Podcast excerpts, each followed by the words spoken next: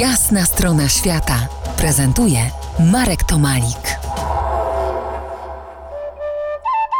Gościem jasnej strony świata Bartek Sabela, który w swojej książce Wszystkie ziarna piasku opisał dziwny zakątek świata, który zdaje się rządzić swoimi prawami i zgoła żyć inaczej niż my. I to nie tylko dlatego, że to gorąca Sahara. Bartek, y, spróbuj sportretować żyjących w saharyjskich obozach uchodźców ludzi. Jacy to ludzie? Jak żyją? To są, to są przede wszystkim ludzie, którzy jeszcze kilkadziesiąt lat temu, kilkadziesiąt, mówię, pięćdziesiąt lat temu, prowadzili zupełnie inny tryb życia. Byli nomadami, którzy przemieszczali się po pustyniach, nie uznając za bardzo granic narzuconych przez, przez władze kolonialne. Oni mieszkali na terenie Sahary Zachodniej, południowego Maroka, części Algierii, e, części Mauretanii. Przemieszczali się między tymi rejonami, prowadzili pasterski, nomadyczny tryb życia. Saharyjczycy to są oczywiście muzułmanie, natomiast muzułmanie troszeczkę tacy inni, bardziej, bardziej, e, bardziej suficcy. Czyli to islam jest taki bardziej wyluzowany, tak? o, dokładnie, tak, tak. Tego słowa szukałem. Wyluzowany, nie narzucający się. Będąc w obozach e, bardzo często e, znaczy, ani razu nie udało mi się odczuć czegoś, że ktoś na mnie coś próbuje wymuszyć, że ja powinienem coś zrobić, ponieważ wszyscy to robią. Byłem tam nawet podczas ramadanu i nigdy nie czułem na sobie żadnej presji. Są ludzie obdarzeni niezwykłą, niezwykłą tolerancją i cierpliwością wobec, i ciekawością wobec, wobec innych. Tak jak wspomniałem, posiadają swój własny język i całe mnóstwo swoich obyczajów, gdzieś tam innych od tych marokańskich czy algierskich, a tak naprawdę bardziej zbliżonych do obyczajów mauretańskich, tudzież nawet tuareskich. No a dobrze, a bardziej bliżej do Tuaregów czy do Arabów?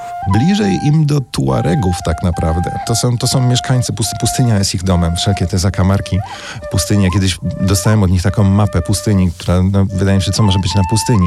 Okazuje się, że ta mapa dla nich była zapełniona całym mnóstwem różnych nazw, różnych e, przestrzeni, zakątków, skał, kamień, drze charakterystycznych drzew. To jest, to, jest, to, jest ich, to jest ich dom.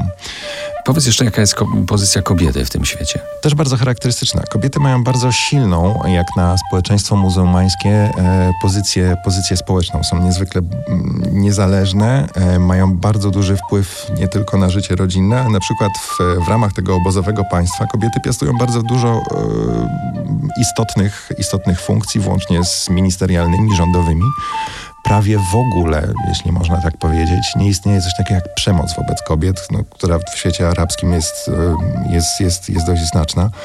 Tam kobiety obdarzone są naprawdę bardzo dużym, bardzo dużym szacunkiem. E, pamiętam, mieszkając u mojego gospodarza przez, przez kilka tygodni, starszy człowiek, 60 parę, 60 parę lat. Pamiętam moment, kiedy przyjechała do domu e, jego teściowa i to, jak on chodził po prostu jak zegarek, omijając z wielkim szacunkiem namiot, w którym mieszkała, kłaniając się w pas i dbając o to, żeby tam miała jak najlepiej. To było, to było niezwykłe. Te kobiety, zwłaszcza młode, one są takie bardzo można powiedzieć, użyć takiego nieładnego słowa europejskie.